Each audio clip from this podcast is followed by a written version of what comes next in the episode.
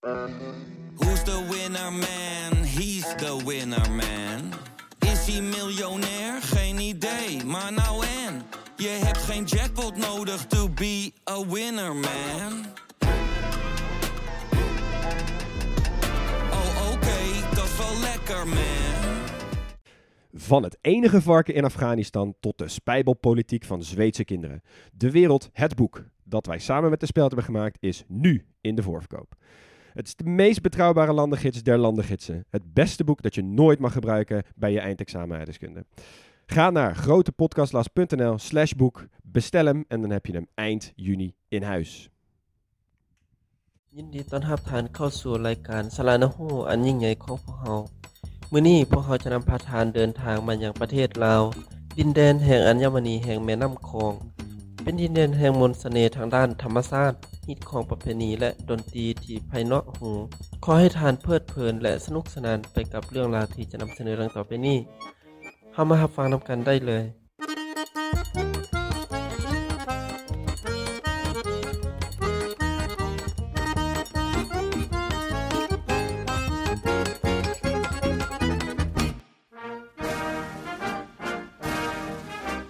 Laos stond niet vooraan toen de kustlijn werd uitgedeeld in Zuidoost-Azië.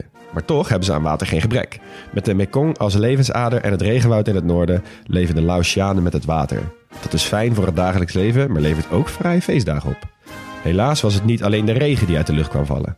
Laos werd meegezogen in de grote conflicten van de vorige eeuw en heeft daar nog altijd last van. Maar het figuurlijke vaarwater is de afgelopen jaren een stuk rustiger geworden, waardoor de schoonheid van het land weer boven komt drijven. En daar gaan we het vandaag over hebben. Want aan het einde van deze aflevering beantwoorden we de drie vragen. Waar moeten we dit land voor bellen als we een probleem hebben? Wat gaan we missen als het ophoudt te bestaan? En wat zouden wij doen als we één dag in Laos zouden zijn? En we hebben weer drie nieuwe vrienden van de show. Jolanda van de Hoek, Koen en Sascha. Hey, super bedankt. Echt Dank jullie wel. Mega lief van jullie. Welkom. En de, nemen we ook wel even een mooie reactie mee. Deze keer van Mariano. Die zei, joh, hartstikke leuke podcast. Maken jullie interessante weetjes over niet voor de hand liggende landen. Lekker tempo en grappige opmerkingen. Maar, nu komt hij. Doe iets aan de uitspraak van Spaanse namen en plekken. Dus hij noemde bijvoorbeeld een voorbeeld van eh, conquistadores. Eh, spreek dus niet die U uit na de, na de Q. Dat hebben we wel gedaan. Volgens mij was ik ook degene die schuldig maakte. Dus eh, we zullen erop letten, Mariano. Goed dat je het zegt. En ehm, ja, we doen vandaag aflevering Laos. ja, dat wordt niet ik hoop beter. niet dat de Laotianen bellen aan het eind van de aflevering... want dit gaat wel echt een lastiger worden. Maar we gaan ons best doen. Oké, nou, boys, terug naar eh, Laos. Hoe ging de research? Ik kijk vooral even naar Max, want ik weet dat jij een groot liefhebber bent van alles in deze regio. Ja, ja, is niet echt mijn streek. Nee, het is... Ja, ehm, sommige, sommige regio's liggen hier gewoon meer dan andere. En eh, Zuidoost-Azië heeft mij toch ook al een beetje altijd zo'n sfeer van die banana pancake trail, weet je wel. En ik weet Ja. dat het niet waar is. Maar toch, er zijn gewoon landen waar je cultuurtechnisch gewoon liever in verdiept dan, dan andere. Dus eh, nee, het was wel een uitdaging, ja. Ja, ik heb ook wel een beetje, maar dat komt misschien door vroeger. Ik wilde altijd naar de meest exclusieve gekke landjes. En bij ons, we, we hebben geografie gestudeerd.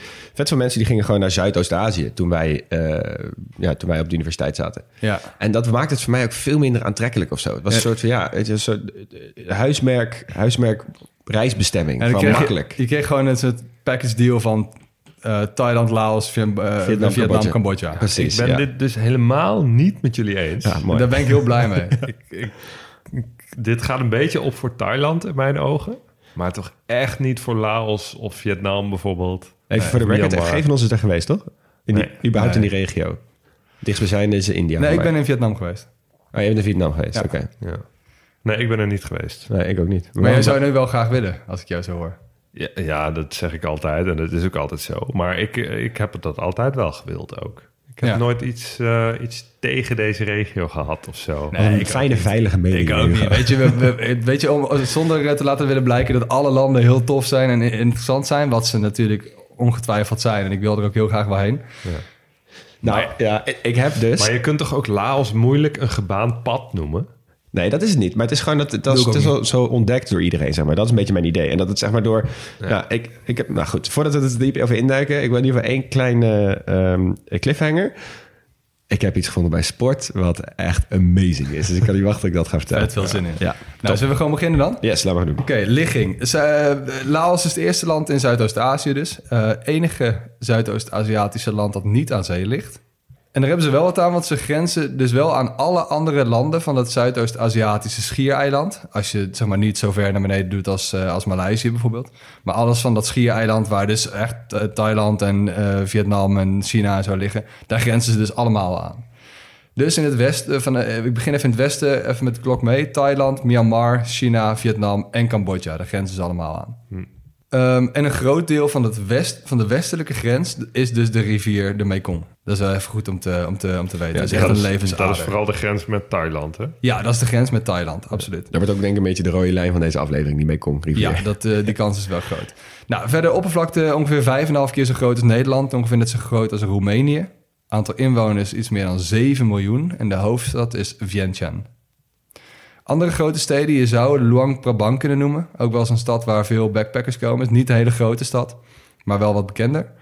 En eh, nou, eh, toffe namen van, eh, van steden. Eh, alvast inderdaad succes deze aflevering. Maar ik kwam bij Nong Kiao, Muang La en Ban Naam. Vet. Nou, religie is twee derde is boeddhist. En de rest praktiseert eigenlijk natuurgodsdiensten.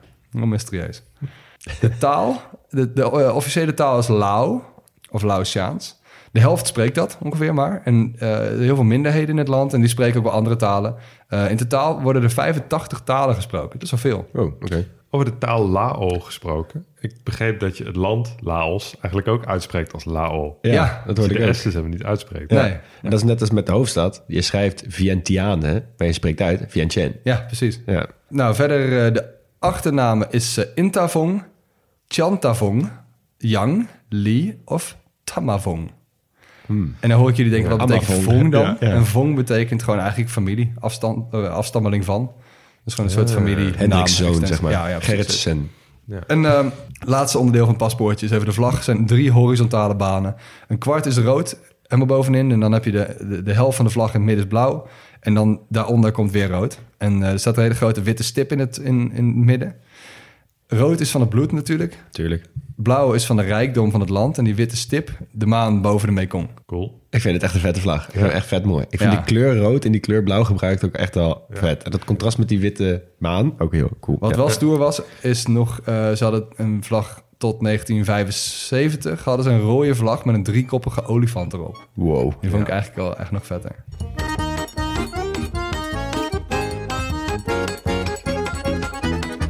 Wie wonen er in Laos? Of in Lao? Mag je zelf kiezen. De bevolkingsopbouw is wel best wel interessant... want die hangt in Laos heel erg eh, sterk samen met, met de hoogte van het leefgebied.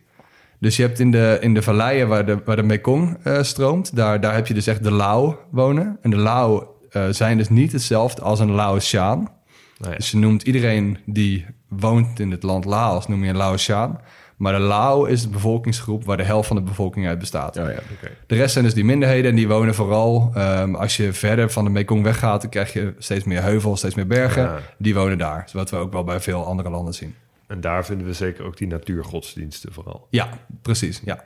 De grootste van die middenheden, dat zijn de Khmu en de Hmong. En eh, dat zijn ook wel hele grote eh, minderheden in buurlanden, bijvoorbeeld. Dus eh, dat zijn echt berg, bergvolkeren. Hmong die vind je ook wel veel in, eh, in Vietnam. Maar eh, ook sommige andere eh, groepen... die heb je bijvoorbeeld weer heel erg in het zuiden van China wonen. En ehm, nou, met zo, zoveel volken heb je ook wel veel volksfeesten die ze vieren. En ik wil er even twee van jullie gaan doen, want dit, ja, ik vond het wel erg leuk. Ehm, ze vieren het Laotiaans nieuwjaar. Valt elk jaar rond 13, eh, 14 april. Daar ongeveer rond die dagen. En het duurt drie dagen. En ehm, het gaat daar heel erg om goede, goede daden. Dus een sterke boeddhistische traditie. En mensen gaan dan naar de tempel en maken het huis schoon voor volgend jaar. Nou, dat was het saaie deel. Het bestaat ook wel bekend als waterfestival. Dus water is heel belangrijk in die, Ja. die feestdag.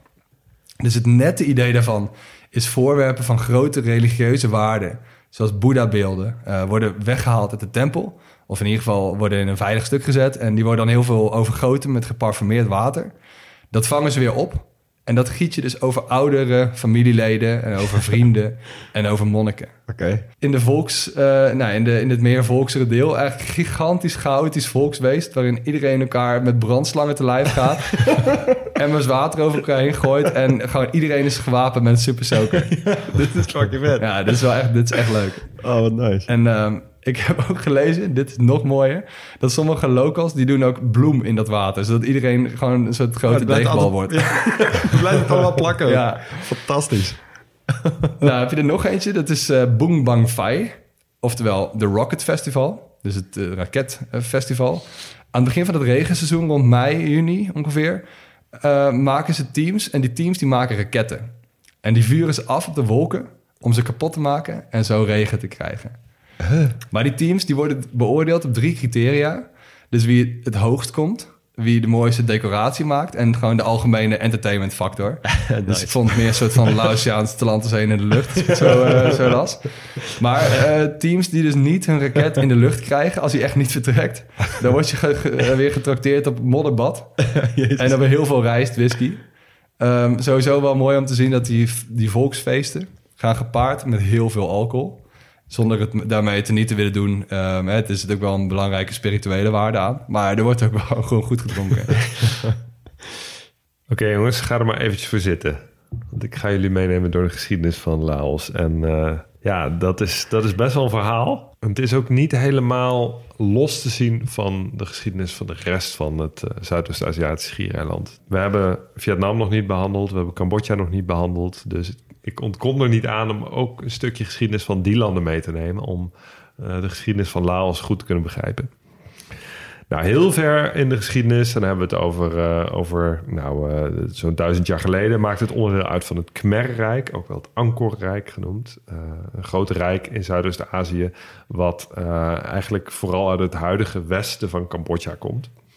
Ehm, maar de staatkundige geschiedenis van Laos, die voert eigenlijk terug tot de 14e eeuw. Dus dan hebben we het over 13, eh, 13 nog wat. Toen verbrokkelde dat Khmer-rijk namelijk. En ontstonden er allemaal eh, kleinere koninkrijken in dat gebied. En toen werd gesticht het koninkrijk Lan Chang Om Khao. Koninkrijk van een miljoen olifanten onder de witte parasol. Wow, vet. Dit is heerlijk. Wow.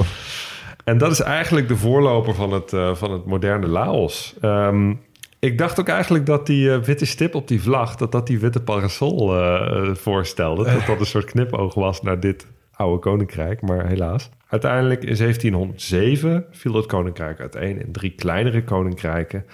En eh, niet veel later rolden ze eigenlijk de eh, koloniale periode in... waarin West-Europese mogendheden eh, zich steeds meer gingen bemoeien met het, het bemannen van niet alleen de kustgebieden, maar ook de binnenlanden van landen in Azië. En eind 19e eeuw werd dit gedeelte van Zuidoost-Azië gekoloniseerd door Frankrijk. Het grondgebied van Laos zoals we dat nu kennen werd een Frans protectoraat binnen de Unie van Indochina, wat we beter kennen als Frans Indochina. Ja. Ja. En Frans Indochina, dat bestaat uit de andere protectoraten Cambodja, kennen we ook, en Tonkin, Annam en Cochinchina. Oh, wie kent het niet? Ja. Die kennen we niet, maar die drie samen vormen nu Vietnam. Ah, oké. Ja, en ze hebben toch ook die slag geleverd in de Vietnamoorlog. Die eh, slag bij Tonking en zo. Ja, Tonkin Bai incident, ja. Nou, die Fransen die, eh, die eh, koloniseerden dus dat gebied. En maak even een sprongetje naar de Tweede Wereldoorlog. Eh, wat gebeurde er in de Tweede Wereldoorlog? Nou, in Europa een heleboel. En dat had natuurlijk prioriteit voor de Fransen, de Britten, et cetera. Dus die haalden heel veel troepen weg uit gebieden in Oost-Azië. En dat maakte het makkelijk voor de Japanners om heel veel gebied daar te veroveren. Ja. Dus Frans Indochina en dus ook Laos kwam in de Tweede Wereldoorlog onder Japans gezag te staan. Nou, we weten hoe de Tweede Wereldoorlog is afgelopen. Niet zo goed voor Japan.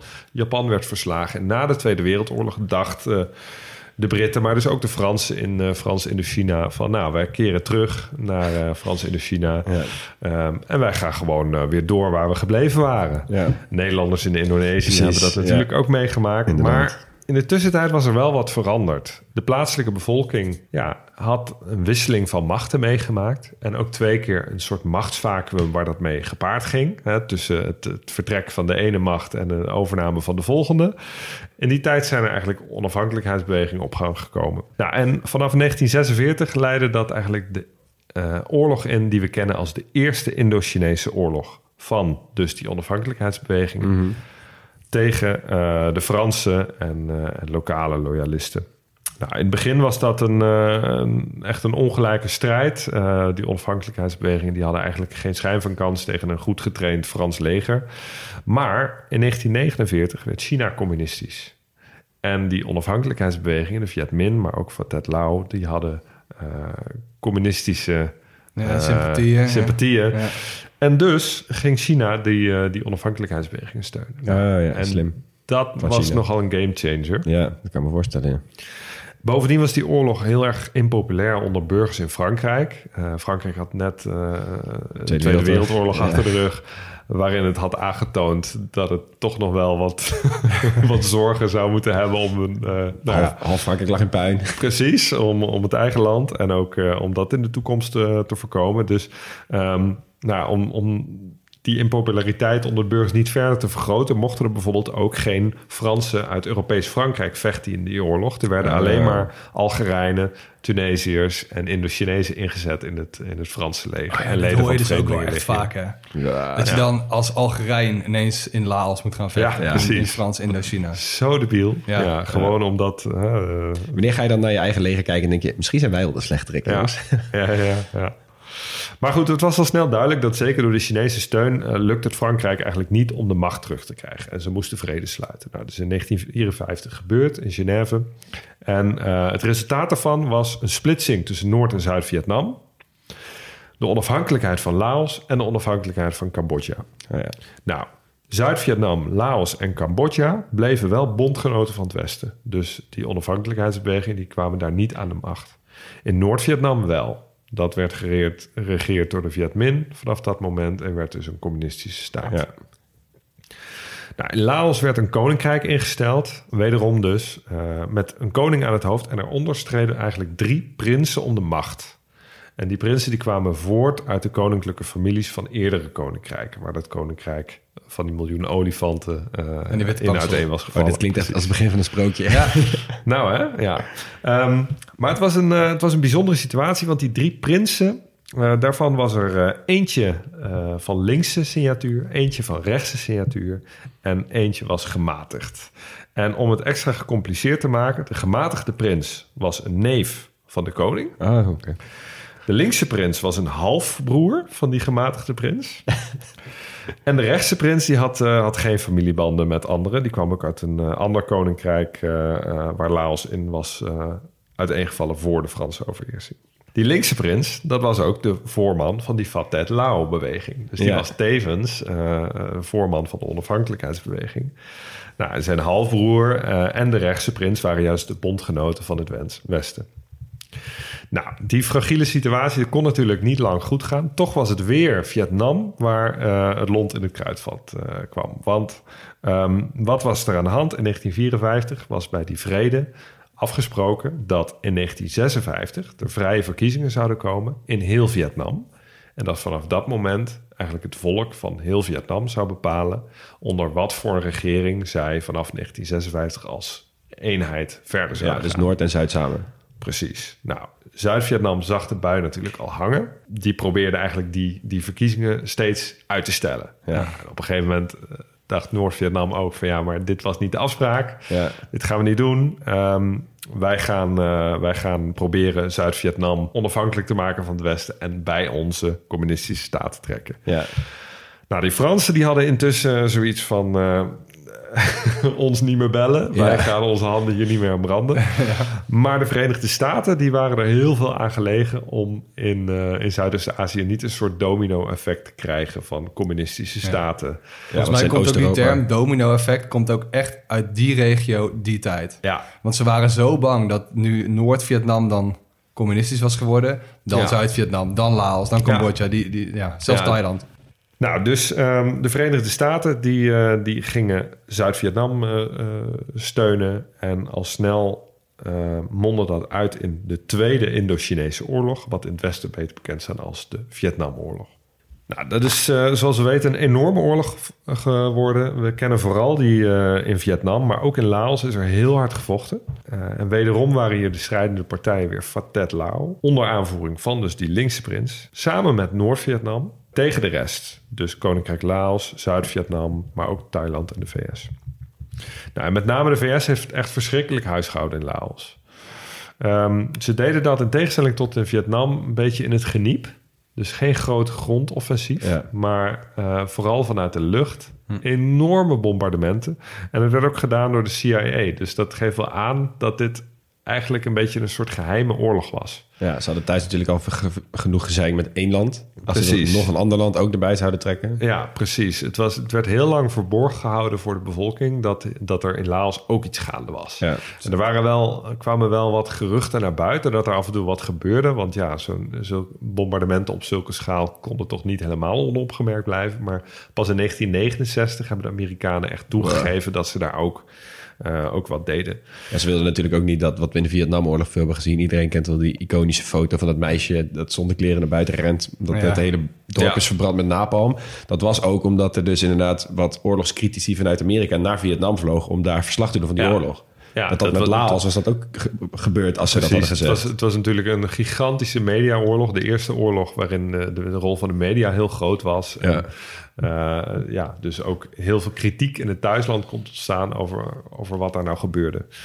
Ehm, maar in Laos was het echt, echt verschrikkelijk. Er zijn, eh, er zijn 580.000 eh, missies uitgevoerd in Laos. Dus 580.000 bombardementen, 1000? vluchten. Wow. Het land is eh, in, in die periode, de periode van ongeveer 15 jaar, gemiddeld om de acht minuten gebombardeerd. Holy.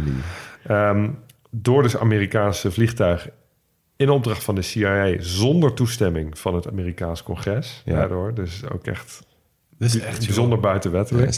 En het is daardoor ook het meest gebombarde, eh, gebombardeerde land ter wereld geworden. Ja, dat is echt waanzinnig. Ja. Meer bommen gevallen dan in Duitsland en Japan samen.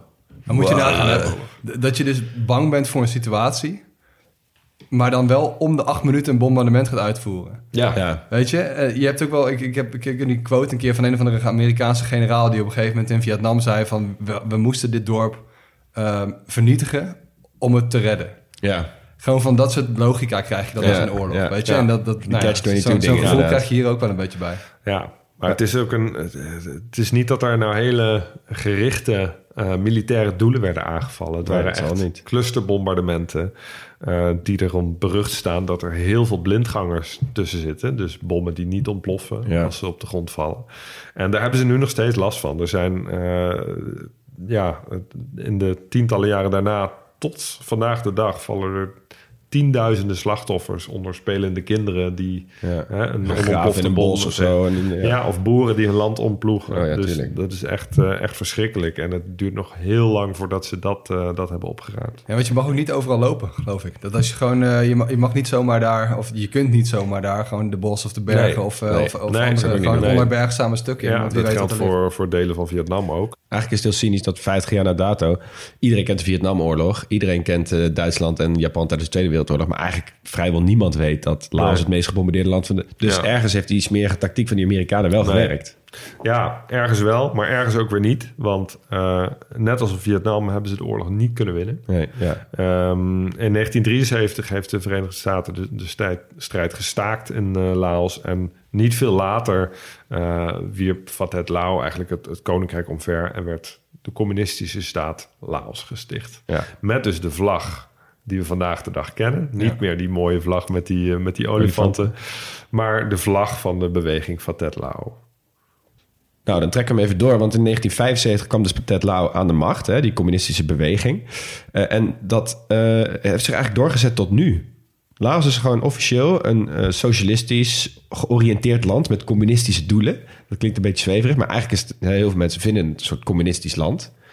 Ehm, maar ja, ze zijn natuurlijk eh, ook, eh, net als China en eh, Vietnam, ook wat meer richting de markteconomie bewogen met wat buitenlandse invloeden. Dus eigenlijk is het dus, eh, ja, ze eigenlijk zijn ze officieel socialistisch met een soort kapitalistische markteconomie. Dus eh, om het even lekker makkelijk te maken, ehm, een klein groepje mensen aan de top verdient heel veel geld aan een hele grote groep mensen die heel hard werkt. Beetje Ja. China-model. Beetje China-model. Ja, maar dat hebben ze sinds, sinds de jaren tachtig pas, hè? Ja, Daarvoor was het wel echt een gesloten... Ja, klopt, maar dat was Ja, maar- dat dat was was- China natuurlijk ook. Ja, Dus, dat eh, was Vietnam tijd ook. begon sowieso echt een grote opening van de economie. En dat is dan Precies. helaas niet anders. Maar goed, maar er is dus... eh, je hebt alleen de Lao Revolutionaire Volkspartij. eh, die regeert, één partij. Eh, die komt dus voort uit die Pathet Lao-beweging. Eh, en ze, zij domineren alle aspecten van de politiek. Dus eh, geen georganiseerde oppositie, geen onafhankelijk maatschappelijk middenveld, geen vakbonden, dat soort dingen. En ze, ze hebben ook de media in handen. Dus ja, eh, je kan er wel van uitgaan dat, ze dat, eh, dat dat wel op die manier de touwtjes strak in handen gehouden worden.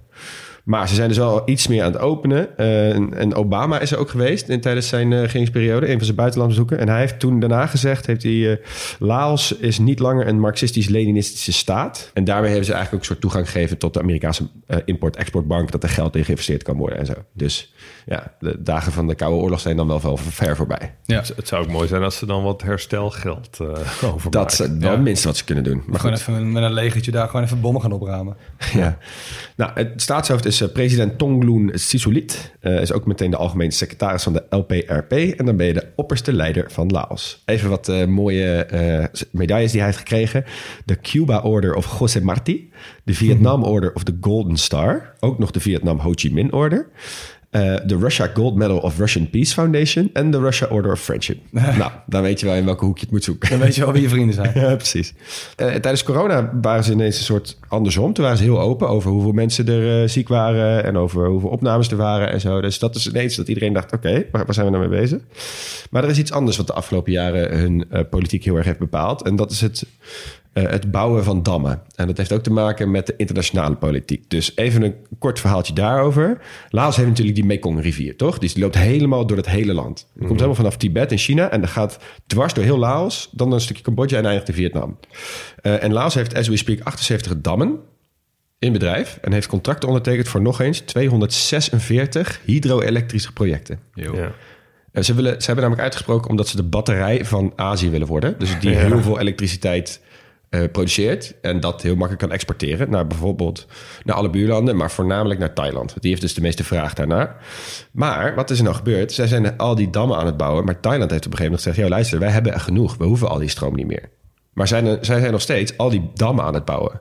En dat heeft natuurlijk vet veel effect voor alle landen eh, beneden de stroom. Dus in Cambodja en in Vietnam. Ja. Nou, je kan je voorstellen, wat gebeurt er in een land waar de lokale bevolking weinig inspraak heeft, eh, maar er moet wel een dam gemaakt worden? Ja, die moeten gewoon op sodemiet eruit, dat stukje land. Ja, die worden dan verplaatst. Die worden dan verplaatst tussen Ja. aanleidingstekens, zoals het heet. Nou, dat gaat goed schiks en kwaad schiks. Eh, er er weinig pers, is er ook heel weinig over bekend. Maar ja, je kan er wel vanuit gaan dat het dus echt... dat tientallen mensen, tienduizenden mensen ineens een hele hebben en houden moeten verplaatsen. Dat dat leidt tot nou, humanitaire rampen. Eh, maar het heeft ook een grote gevolg voor het milieu. Eh, misschien dat we het er later over nog over gaan hebben. Maar de Mekong is natuurlijk een belangrijk ecosysteem van het hele land. Ja, en wat gebeurt er als je daar eh, 200, 300 dammen op gaat bouwen? Ja, dat heeft grote impact voor alle verschillende levens. ja. En de grootste pineut in dit verhaal is Vietnam, hè? Ja, Ja, want dat Want- is met al dit soort vraagstukken, net als Egypte de met de. Nijl bijvoorbeeld. Als je heel Ja. erg downstream ligt, helemaal aan het eind, dan ben je dus van heel veel partijen afhankelijk. Ja. En dat is in die Mekong, die gaat door iets van zes landen of zo. Ja, het is natuurlijk... Heeft een aantal grote gevolgen. Het, en er komt minder water door. ja, En al dat sediment wat de rivier meevoert... dat blijft achter in die stuwmeren. Dat, dat, dat wordt niet doorgelaten. Ja. Dus wat zich normaal afzet in die delta... dat gebeurt nu niet meer. Dus die Mekong-delta die is echt enorm aan het zinken. Oh ja. En eh, daar is op geografie.nl ook, eh, ook een keer een mooi artikel over geschreven. Over hoe dat werkt en wat voor gevolgen dat heeft. Maar Ja. ik kan me inderdaad wel voorstellen dat dat tot spanning op het internationale politieke toneel eh, ja en leidt. ik zal, we zullen inderdaad dat artikel even plaatsen, maar ook even een plaatje waar, waar al die dammen nu staan en waar ze komen. Want op Economist heeft daar een heel mooi stukje over, inderdaad. Als je dan ziet hoeveel van die dingen ze gaan bouwen, dan denk je echt, yo, relax. Ja. Ja. dat wordt ook allemaal gedaan met Thaise en Chinese aannemers, lag ik. Oh, dat dus, zal wel. eh, en dat, ja, die gaan ook best wel hardhandig te werk ten opzichte van de natuur. Ja. Dus ze maken daar zich wel echt zorgen om. Ja, precies. Want ik heb dus gelezen dat dus als, de, eh, als elke dam die gepland is voor de Mekong wordt gebouwd, dat het visbestand met 40% zal afnemen. Ja. Ja.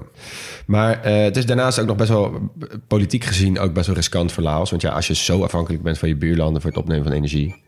Ja, nou goed.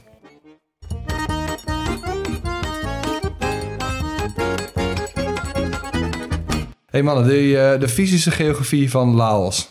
Best wel interessant. Laos is wel echt mooi. 70% van het land is bergacht, eh, bergachtig. Dus zeker als je meer naar het noorden gaat... dan krijg je nou, best wel serieuze en hoge, hoge bergen... Ja. met veel jungle. Nou, wat wil je nog meer? Vet. Toch? Ja. Laos heeft een tropisch klimaat. En ze zien dus ook elk jaar de moesson komen. Dus eh, sowieso heel Zuidoost-Azië wel een uh, moessonklimaat. Daar gaan we het ook nog een keer over hebben wat, uh, wat, wat een moesson nou precies is. Ja. Maar um, november tot en met maart is nagenoeg droog. En dan vanaf mei tot september dan gaat echt de kraan vol open. Ja. En uh, als, nou, dan, dat bedoel je dan in Zuidoost-Azië. Dan gaat hij echt goed open. Want het regent daar. Het kan, daar- ik kan me herinneren, volgens mij was het van eh Forrest Gump. Die ging natuurlijk naar Vietnam. Ja. Dat het daar gewoon, die soldaten die gingen daarheen. En dan op een gegeven moment is het gewoon... Dan, dan Regen stopt de water regentijd. overal vandaan. En dan ja. is het echt alsof er een nieuwe wereldorde aanbreekt. Weet Ja, je? Dan denk je ja, van, oh, het kan ook gewoon stoppen met regenen. Het, gaat, het, is gewoon, het gaat wel echt aan. ja. Nou, die Laotianen die hebben een vijfde van hun land beschermd gebied gemaakt. En dat moet ook wel, want het gaat niet super goed met de fysische geografie. Eh, ontbossing is een heel groot thema. Dus eh, dat is sowieso echt een grote bedreiging hè, voor, voor zulke landen. Eh, dus veel bergen, veel tropisch regenwoud. Nou, dan, dan is ontbossing ook zeker omdat daar best wel veel mensen wonen. Het Ja. zijn niet hele onherbergzame gebieden. Dus ehm, ontbossing is daar echt wel een groot thema. Eh, in de jaren 50 was nog 70% van Laos bos. En dat is nu nog maar 40%. Oh, Dus ehm, nou ja, naar hout... Zeg je? Waarschijnlijk allemaal naar China. Ja, nou ja, goed. Kijk, ze, ze kappen veel hout. En eh, dat heeft China natuurlijk ook wel, maar andere landen niet zoveel.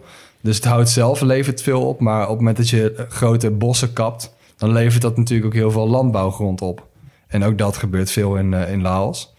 Er is nu wel een exportverbod voor hout. eh, maar er wordt wel weer veel illegaal gesmokkeld. Eh, het lijkt me wel een moeilijk smokkelwaar trouwens, hout. Het is Ja. gewoon groot. Ja. Het zijn geen diamanten, zoals je in, Ja. in. Sierra Leone zag. Stop je niet in je broekzak. Nee, nou ja, wat wel goed smokkelwaar is... ehm, eh, Laos ligt in de Golden Triangle. Ehm het gaat vooral over de opiumhandel. Dus eh, dat is een groot een driehoekig gebied... waar eh, het noorden van Thailand ook in ligt, geloof ik... en het zuiden van China. Dus eh, nou ja, dat is een heel groot, goed gebied om, om papaver te groeien. En Ja, dat, dat ja, doen ze dus ook.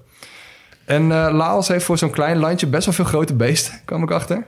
Dus nou ja, het was niet voor niks het land van de miljoen olifanten onder de witte parasol. Ehm, die ik heb, die witte parasol die zal er nog wel zijn, maar die miljoen olifanten lang niet meer.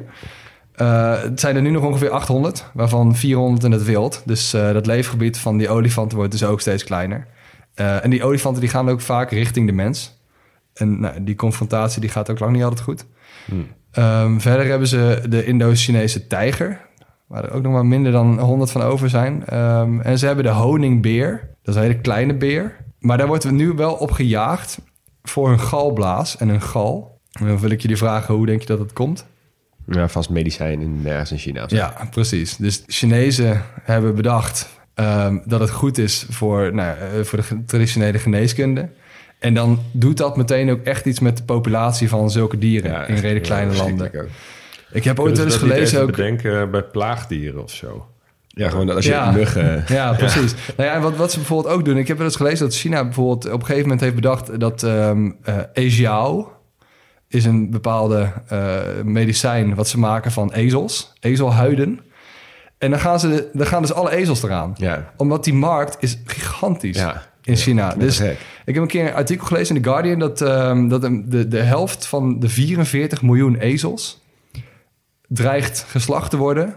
omdat China gewoon heel veel geld over heeft Ja, voor die ezels. dat is toch En dat is niet alleen? Laos, hè, maar dat Nee, is gewoon precies. landen als... eh nou ja, kun je je voorstellen dat je een Kirgiz bent. Ja. En dan kun je ook geen nieuwe ezels meer kopen... want nou, die prijs die wordt heel erg opgedreven. Dus dat ontwricht zulke landen heel hard.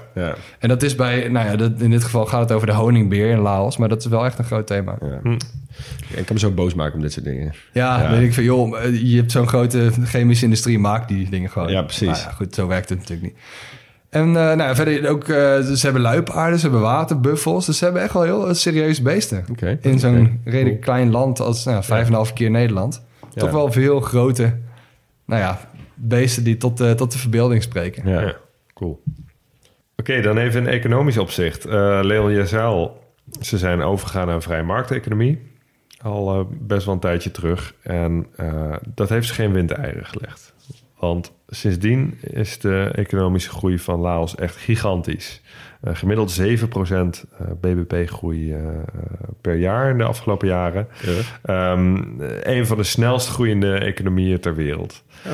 Ja, ehm, dat hebben ze te danken aan de opkomende mijnbouwsector. Dus er zit best wel wat in de grond wat ze eruit kunnen halen. Eh, maar ook wel een maakindustrie. Waar ze profijt van hebben, is dat in China de lonen te hoog worden om, eh, om veel dingen te maken die ze daar de afgelopen 10, 20 jaar hebben gemaakt. Dat is voor ons ook raar, hè? Dat je dus Ja. nu in de tijd leeft dat er landen zijn die de lonen in China... of bedrijven vinden die de lonen in China te Ja. hoog vinden. Ja, dat China naar lage lonenlanden gaat. Ja. Ja, ja, ja nou zo gaat het. En, eh, en eh, veel van dat soort fabrieken schuiven uit naar landen als Laos. Ja. Maar dat is natuurlijk in- een, iets wat zich herhaalt in de geschiedenis. Hè? Kijk, eh, de grote kledingmerken werden eerst geproduceerd in Europa of de Verenigde Staten. Daarna in Singapore, Zuid-Korea. Daarna in China. Nou, nu zijn landen als Laos in de buurt. Ehm, nou, voor dat soort exportproducten hebben ze wel een, eh, een belangrijk nadeel natuurlijk. Want ze zijn landlocked. Ja, ze hebben geen En- water. Zoals we hebben geleerd van Peter Boelens, eh, gaat eh, bijna alle transport van dit soort goederen per schip. Dus dat is lastig. Ehm, ook nog eh, zeer onherbergzaam gebied. Dus eh, ja, transport overwegen is ook niet zo heel makkelijk. En tot voor kort hadden ze geen spoorwegen. Maar daar willen ze flink in investeren. In 1994 is eh, de eerste Thais-Laotiaanse vriendschapsbrug ge- geopend over de Mekong. En dat is een, een tweebaansweg. En in het midden van de weg ligt een spoor. En eh, als je dus de weg even afsluit, dan kan daar een trein overheen rijden. Niet geschikt voor super intensief gebruik, maar eh, dan nog, het kan wel. Ehm, alleen tot 2009 was er aan de Laotiaanse kant van de brug geen station. dus dat, dat spoor kon niet gebruikt worden. Maar ehm, passagiers voor Vientiane eh, moesten dus bijvoorbeeld 20 kilometer ten zuiden van de stad over de grens met Thailand uitstappen en vervolgens te voet of op een andere manier verder. Ja. Maar sinds 2009 is er in Laos een station in gebruik waardoor de brug wordt gebruikt. Sindsdien is er bijvoorbeeld een directe trein naar Bangkok. Oh. Ehm, maar er zijn plannen voor veel meer nieuwe spoorwegverbindingen. eh, voor passagiersvervoer, maar dus ook voor vrachtvervoer. Ehm, ze willen echt een, een landverbonden natie te worden. Max je zei bij paspoortje al, ze grenzen aan alle landen eigenlijk op het Zuidoost-Aziatisch schiereiland. Dus ze kunnen ja, in potentie een soort draaischijf worden van, eh, van handel in die regio. Ja. Nog niet zo lang geleden, een paar maanden geleden, in eh, 2021, kwam een eh, spoorlijn gereed, bijvoorbeeld tussen Kunming en Vientiane. Dus eh, eh, Kunming in China. Moet ook wel echt een mooie treinrit zijn, hè? Het gaat dwars door de bergen. Ongelooflijk. Ja. Ja. Ja, de, Toerisme, hallo. De Eastern Orient Express die, eh, die rijdt ook door dit gebied. Ja, Het lijkt me heel ook een vet. waanzinnige Lijkt me wel een leuke treinreis trein, om te ja. maken. Ja. Nou, hè, kun je die trein dan het beste nemen? Eh, Laos kun je het best bezoeken eigenlijk tussen oktober en april. Dan is het overal een beetje warm en droog. En er zit in ieder geval geen moesson. Dus dan wordt het niet zeiken, zeiken, zeiken nat. Ehm Je hebt wel echt landen waar je gewoon altijd op zich wel heen kan. Maar in Laos is echt groot verschil. kun je beter wel even vol onderzoek doen. Ja, precies. Ehm nou, Laos krijgt dus best wel veel, eh, kreeg best wel veel toeristen uit buurlanden, moet ik zeggen. Maar ze zijn heel zwaar geraakt door eh, corona. Ehm, en wat mij opviel, ik heb even een lijstje naast elkaar gezet. Ze zijn in de afgelopen 10, 15 jaar echt best wel een mindere toeristenbestemming geworden.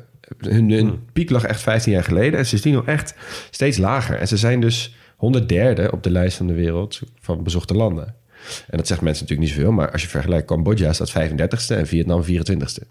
Jo. Ja. Maar ze waren dan toeristischer dan dat ze nu zijn? Ja. Of Dus- hebben andere landen ze gewoon ingehaald en zijn ze ook nog wel Ja, gegroeid? ik denk een beetje van beide, toch? Ja. Ja. dus, maar goed, dat viel mij wel eh, heel erg op. Maar goed, nog een klein stapje terug. Want Laos lag vroeger op de Hippie Trail. Ik weet niet of jullie weten wat de Hippie Trail is. Ja. Nou, dat was... Ik vond het altijd heel erg tot de verbeelding sprekend. Een soort reisroute. Eigenlijk vanaf nou, een beetje Turkije, Istanbul... dwars door landen als eh, Irak en eh, Iran en Afghanistan en Pakistan... en helemaal naar India en Nepal. En dus ook naar Laos. Ik wist niet dat hij zo lang ver door was getrokken. Ja, want ja. ik dacht dat of India of Afghanistan was. Echt een hele populaire eindroute. Ja, Of dus eindbestemmingen. ook, ja. Maar het, ze zijn er zo ver doorgegaan. Nou, jij zei net over opium, die driehoek. En Vientiane had toen 's werelds grootste legale opiumhol. En daar gingen al die vet van die, van die hippies gingen daarheen. Ja, ja dus ja, ik zou het vooral doen om de route er naartoe. ja, nee, Maar- ja, nu is die route natuurlijk compleet ondenkbaar. Laten we hopen dat die ergens ooit weer een keer, eh, dat we daar ooit Ja. weer een keer heen kunnen. Dan gaan wij naar Afghanistan. Ja, zo, absoluut. Serieus, echt ja, heel graag serieus, ik ook. Ehm, eh, eh, leuk feitje. Eh, Maureen en Tony Wheeler. ik durf ze wel met grote zekerheid vrienden van de show te noemen. Weet jullie wie dat zijn? Oh, wacht even. Zijn dat de oprichters van de Lonely Planet? Absoluut. Oh, ja. Zij hebben elkaar ontmoet in de, op de Hippie Trail. Jo. En toen hebben ze dus besloten, joh, hier moeten even wat- ja, een soort podcastlast maken, alleen dan geschreven. En die kunnen we dan uitbrengen. En dan doen we dan voor het land doen we er steeds eentje. Ja, en nu heb je Lonely Planet. Zijn ze wel aardig in geslaagd. Zijn we aardig in geslaagd. Nou goed, eh, over naar, eh, naar de toekomst. Want als je het hebt over Laos, dan heb je het over... Denk ook aan die Mekong-rivier.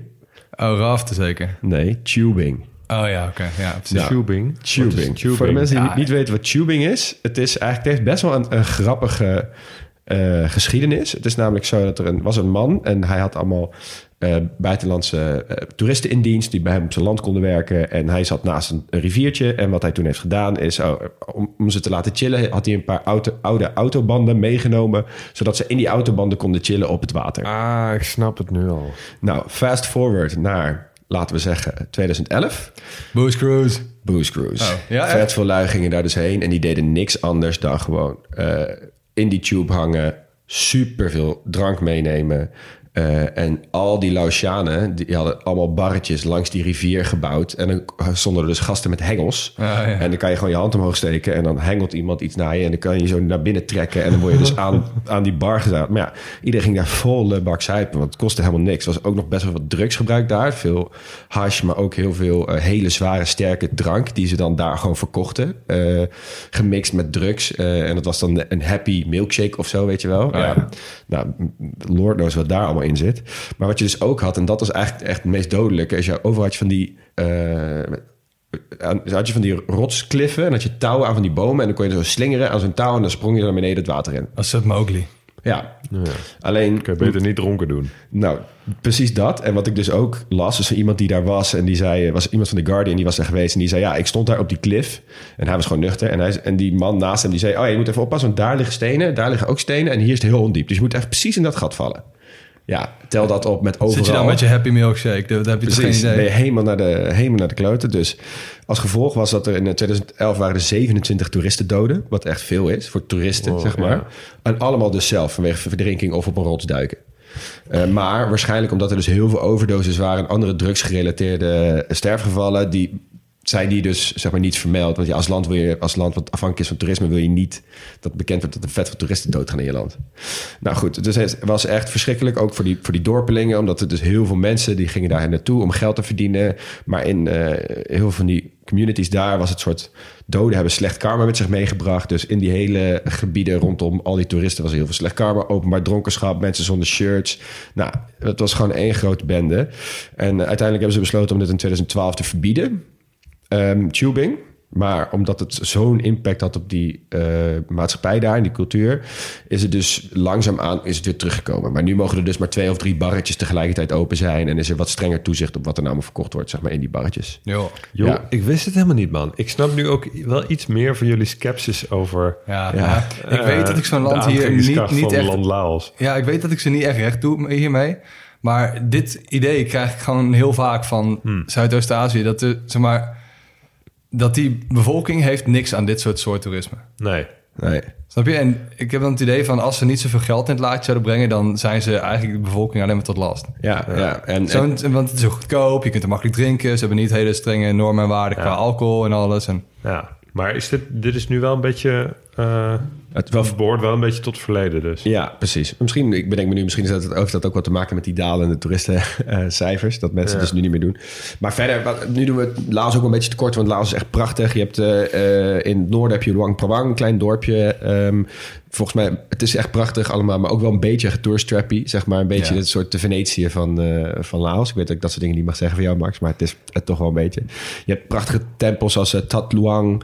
In Vientiane is dat. Ehm, je kan natuurlijk op de Mekong-rivier veel varen, veel kijken. Eh, je hebt een... eh, eh, veel watervallen daar. Ehm, en je hebt het Buddha Park in Vientiane. Dat heet Xieng Quan. Dat spreek ik ongetwijfeld verkeerd uit. Maar daar heb je vet veel lijpe boeddha's. eh, 40 meter lange boeddha's. Allemaal liggende boeddha's, staande boeddha's. eh, Een soort koepels waar je er binnenin kan lopen en zo. Dus het is eh, een groot boeddha-paradijs daar. Ehm, eh, ja, dus, dus genoeg, genoeg in Laos om er ook echt van genieten.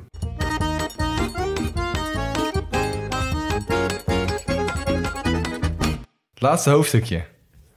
Kunst. ga ik even mee beginnen. En eh, ik ga het even vooral over muziek hebben. Mooi. Ik ga het eigenlijk alleen over muziek hebben. Laos heeft best wel toffe muziek.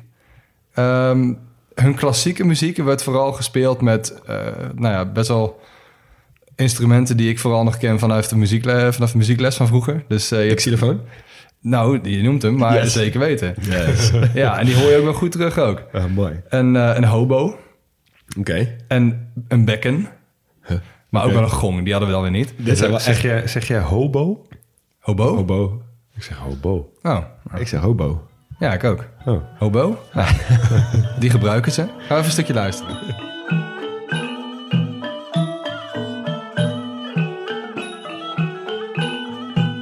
Oh, wat vinden jullie ervan? Zelfs met je ogen dicht kan je de regio aanwijzen. Ja, toch? Ja, zeker. Wel mooi. Maar wat ik eigenlijk nog mooier vind, is de Laotiaanse folk. Yes. Wordt ook wel Moor Lam genoemd. Ehm, en die hoor je in de dorpen.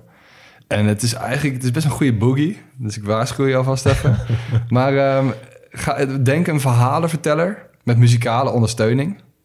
Ehm, een soort rap, maar dan wel met een groter vocaal bereik. Dus het is wel wat... eh, nou Een ja, soort, soort opera. Nee, nee, nee. het is wel echt een soort volksverteller, weet je wel? Maar dan met muzikale ondersteuning. Een soort André Hazes. Meer toonhoogtes? Nee, nee, nee, nee. nee. Je zit helemaal verkeerd. Maar ik ga, ik, ga, ik, ga, ik ga het zo meteen laten horen. ik wou het zeggen. Ehm, het wordt gespeeld met een kerne. Een soort mondorgel gemaakt van bamboepijpen. Die kun je dus ook bij je dragen. Dus het is niet een orgel zoals wij die kennen in, in, in, de, in de kerk. Meer een mondharmonica of zo. Ja, maar dan een hele grote. Dus het soort eh, veredelde Panfluit. Ja, precies. Nice. Eh, thema's zijn wel vaak heel volks, dus het gaat over de actualiteit, maar ook over onbeantwoorde liefde. Eh, het kan ook best wel schunnig zijn, heb ik gelezen. Ehm, en het wordt wel ge- getolereerd door de overheid, ook als er grappen over worden gemaakt, over de overheid. En er zit sowieso vrij veel humor in die muziek. Nou, ik kan het niet vertalen voor je, maar dan moet je me op mijn woord geloven. Ehm, ook hiervan even een stukje luisteren.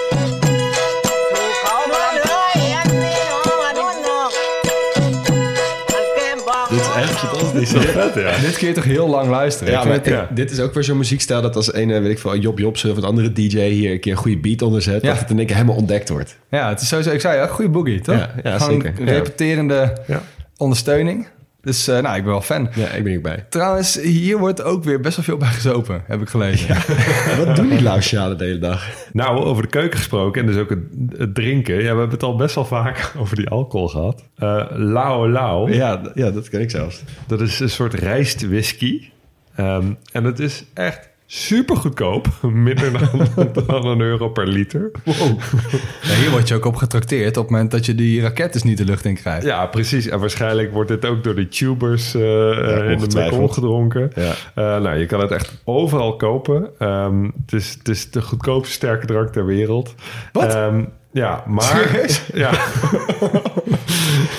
maar het, eh, het is ook een brugdrankje. Want eh, niet alleen word je er dus heel erg dronken van...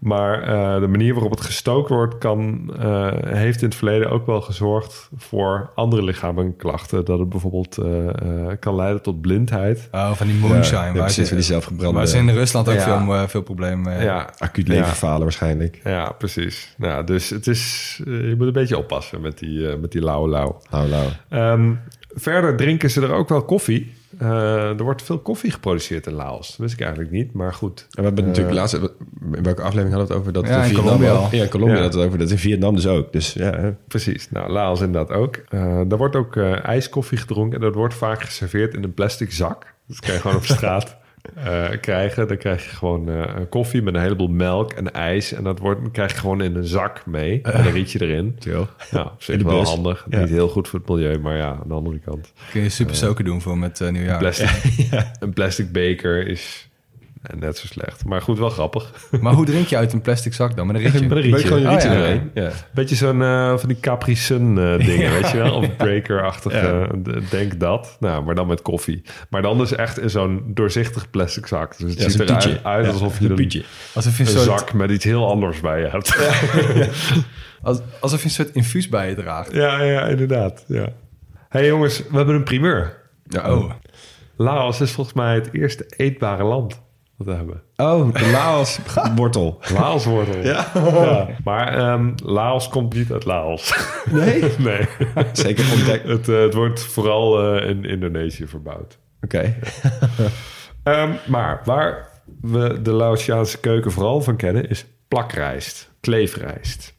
Hoe je het ook wil noemen. Eh, in ieder geval rijst die ja, plakt. Ik kan niet anders omschrijven. En, Ik, denk- ik denk wel dat we veel dingen moeten uitleggen in deze podcast, maar niet wat kleefrijst is. nee, maar je, je denkt dan misschien aan pandanrijst of sushi-rijst. Maar dit is echt nog van een hele andere orde. Eh, Oh. De kleefrijst in Laos, die plakt echt heel goed. Dus je kan er hele sculpturen van maken, zeg maar. Ja. Ehm, maar Laos heeft de hoogste eh plakrijstconsumptie van de wereld. We hadden eerder Bangladesh al een eh, rijstconsumptie. Maar Obscuur Eh, feitje. 171 kilo plakrijst eh, wordt er per jaar jaarlijks geconsumeerd. Oh, maar het is wel even goed dat je met die definitie zei... dat het dus niet gaat om pandan of sushi-rijst. Want Ja. dat was wel de hoek waar ik het in zag. Ja, nee, dit is echt een andere, eh, een, een andere rijstsoort nog. Hij is ook wat zoeter, dus je kan hem ook goed gebruiken in, in zoete gerechten.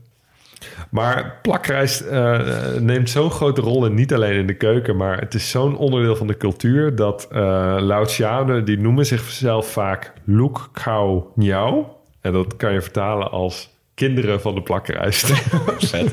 Onder een witte parasol. Nou, wat wordt er dan met die, eh, met die plakrijst, die kleefrijst gegeten? Eén gerecht heet larp. Larp. Ja, dat is wel echt beroemd. Dat is echt beroemd. En dat bestaat uit, eh, uit fijn gesneden vlees of vis. Wat op smaak wordt gebracht met, met kruiden en een sausje. Eh, je kan het een beetje vergelijken met ceviche. Het wordt ook vaak rauw, rauw gegeten. Dus het gaat om eh, rauw vlees en vis. Ehm, en wat er vaak wordt geserveerd is eh eh, papaya salade.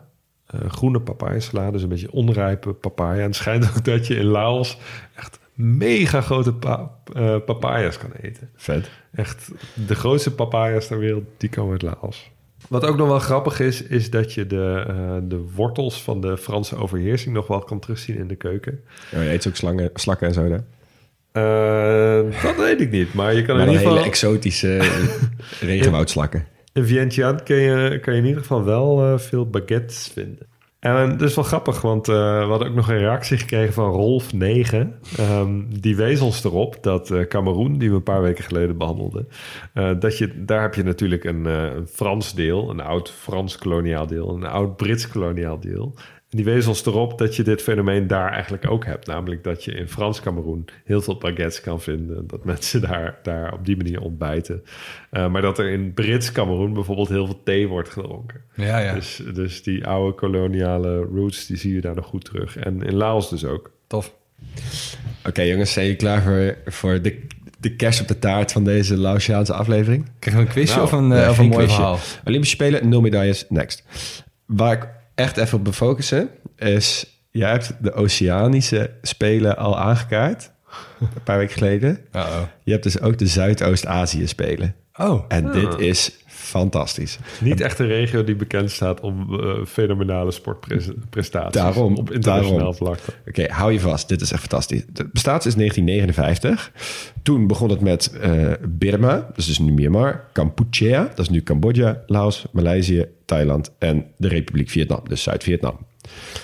Nu doen mee Brunei, Cambodja, Indonesië, Laos, Maleisië, Myanmar, Filipijnen, Singapore, Thailand, Timor, Oost-Timor en Vietnam. Dus dat is best wel een hele breed scala. eigenlijk. Ja, dus dat is best wel leuk. Het is tweejaarlijks. Maar nu komt hij.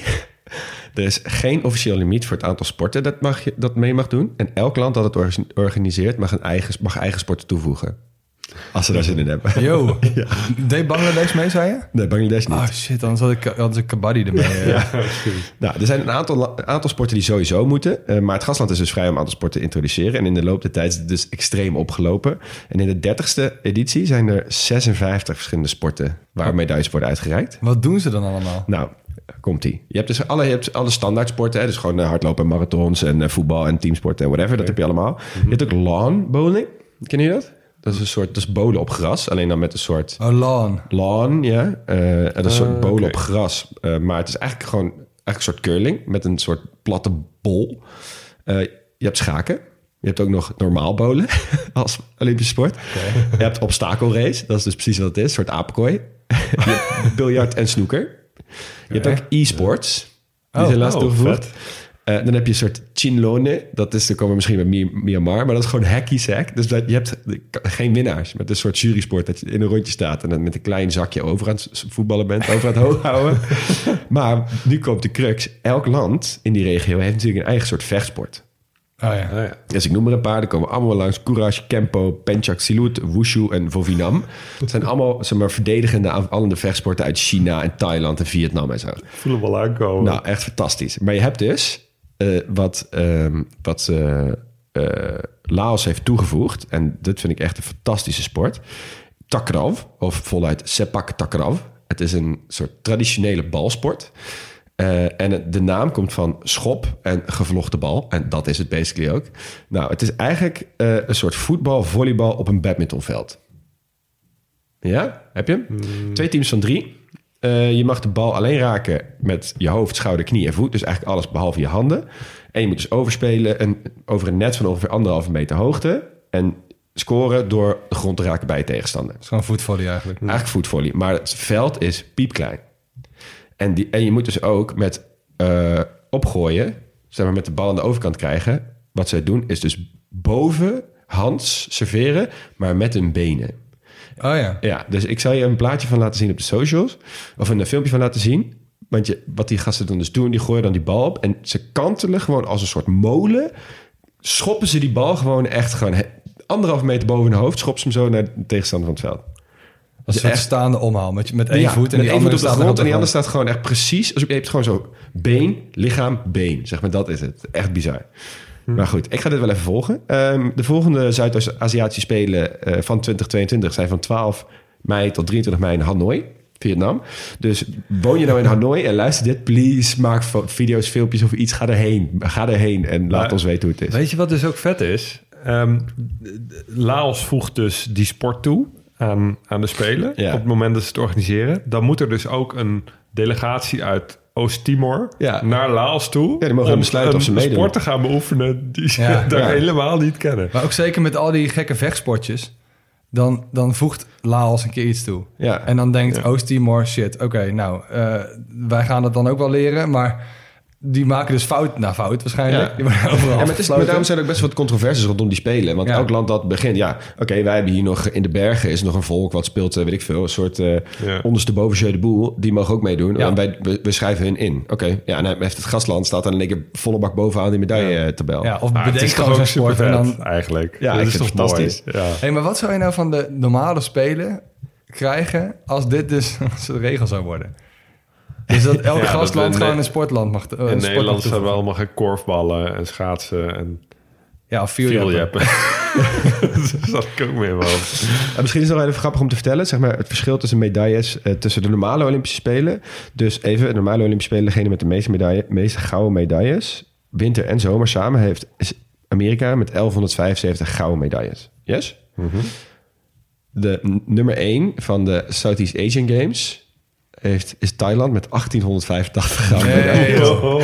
Nummer 2, Indonesië, 1824. Ja, hier worden gewoon Wow. medailles uitgedeeld alsof het kleefrijst is. Echt fantastisch. Wat goed. Overigens, Oost-Timor, drie gouden medailles. Dus die hebben sowieso nog even wat aan te doen. Laos staat overigens één na laatste op deze tabel.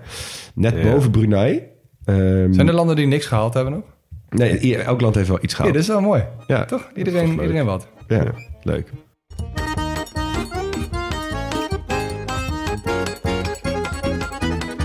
Nou, boys, eh, zijn we aan het einde gekomen. Waar gaan wij dit land voor bellen als we een probleem hebben? Nou ja, als zij blijkbaar te veel eh, energie opwekken. Ja, We hebben te maken met stijgende gasprijzen. Energietransitie die niet echt eh, op wil schieten. Kunnen we Laos wel verbellen. Ja, zeker. laat het onze kant maar exporteren. En wat gaan we missen als het ophoudt te bestaan? Ja, toch wel de Mekong. De Mekong, zeker. Maar daarbij ook alle waterfeestjes die ze hebben aan, die ze organiseren. Ja, die zeker, ja. Daar, kunnen ze, daar mogen wij hen ook nog wel verbellen, vind ik. Ja. Ze hebben niet zozeer Ja. een probleem, maar wel gewoon een, toevoeging aan je, aan je plezier. Ja. Eh, en wat, zou, wat zouden jullie doen als we één dag in Laos zouden zijn? ja, ik ga in die trein zitten. Ik begin in Kunming in China en dan eh En dan zit je één hele dag in de feest trein. vanaf de grens met Laos. Ja, ik ga Heerlijk. mee. Ik ga met je mee, Hug. En dan plannen we het even zo dat we doen rond dat nieuwjaar. En dan gaan we gewoon... Met eh, waterpistolen de we S'avonds, mensen met waterpistolen een, spuiten. En dan doen we... Dat je dan helemaal los kan. met de Brandslang. locals, Ja, Zo. En dan een beetje bloem erbij. ja, Ja. goed. Nou, top. Ik ben erbij. Jij ook? Yes, let's go. Dit was weer een hoofdstuk van de grote podcastlas. Wij zijn Leon Boelens, Max Gerritsen en Hugo Noordman. De eindmontage wordt gedaan door Jonas van Impen. Zoals je hoorde zijn we nooit volledig, maar wel origineel. Geen experts, maar wel liefhebbers. Hebben we iets verkeerd gezegd of zijn we iets cruciaals vergeten? Volg ons en laat het weten via Twitter of Instagram op @grotepodcastlas. Je kunt ons enorm helpen door je vrienden, familie en collega's te vertellen over onze podcast of door vriend van de show te worden. Daarmee steun je ons met een klein bedrag en kunnen wij weer mooie nieuwe afleveringen maken. Volgende week reizen we naar Tanzania, Lagon.